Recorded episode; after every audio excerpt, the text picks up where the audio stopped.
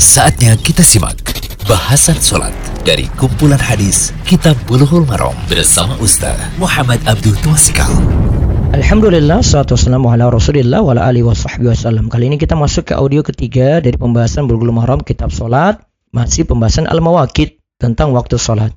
Hadisnya hadis 154 sampai 156 dari Abu Barza Al-Aslami qal kana Rasulullah sallallahu alaihi wasallam yusalli al-asra thumma yarji'u ahaduna ila rahlihi fi aqsal madinati wa syamsu hayyatun. Wa kana yastahibbu ay yu'akhkhira min al-isya wa kana yakrahu nauma qablaha wal haditha ba'daha.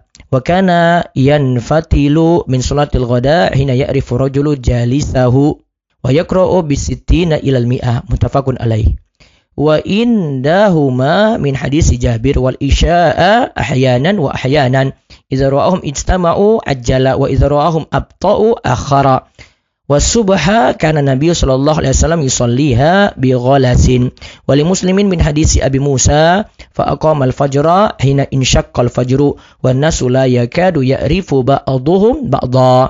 Abu Barzah Al-Aslami radhiyallahu anhu ia berkata, seusai Rasulullah shallallahu alaihi wasallam melaksanakan sholat asar, salah seorang di antara kami pulang ke rumahnya yang terletak di pinggir kota Madinah.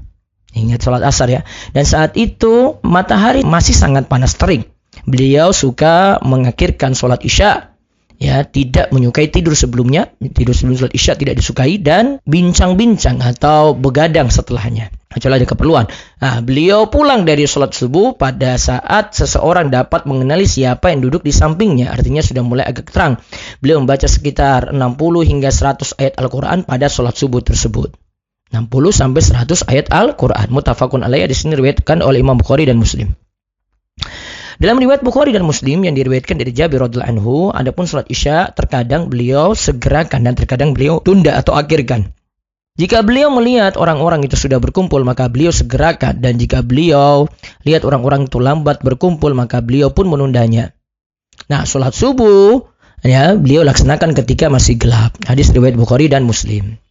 Nah, dalam riwayat Muslim dari Abu Musa, uh, beliau melaksanakan sholat subuh ketika fajar menyingsing, sementara orang-orang itu hampir tidak mengenali satu dengan yang lainnya. Kalau tadi itu uh, sudah mengenal orang di sampingnya, berarti sudah agak terang. Kemudian yang ini tidak mengenali satu dengan yang lainnya, berarti masih gelap. Nah, kita lihat faedah hadis. Ada tujuh di sini. Yang pertama, disunahkan menyegerakan sholat asar pada awal waktu. Karena para sahabat sholat bersama Nabi SAW pada waktu sholat asar dan balik ke rumahnya di ujung kota Madinah dan keadaan masih putih cerah dan panas. Berarti memang sholat asar itu dikerjakan pada awal waktu. Kemudian yang kedua, boleh mengakhirkan sholat isya dari awal waktunya dengan memperhatikan kondisi jamaah seperti disebutkan dalam hadis Jabir. Ya, kadang dipercepat, ya kadang ditunda, tergantung keputusan imam. Kemudian yang ketiga, Nabi Shallallahu Alaihi Wasallam selalu memperhatikan kondisi umatnya kala sholat. Termasuk ketika mau menyegerakan atau mengakhirkan sholat isya. Itu contohnya. Yang keempat, dimakruhkan tidur sebelum isya. Karena dapat melalaikan dari sholat isya berjamaah. Yang kelima, dilarang begadang dan ngobrol-ngobrol ba'da isya.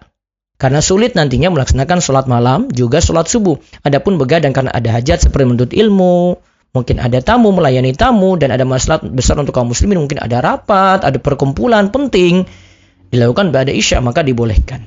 Kemudian yang keenam disunahkan mengerjakan sholat subuh pada awal waktu. Yang ketujuh disunahkan memperlama bacaan ketika sholat subuh. Sholat subuh pada awal waktu dan sholat subuh juga paling bagus diperlama karena bacaan ketika subuh itu disaksikan oleh para malaikat. Semoga jadi ilmu manfaat.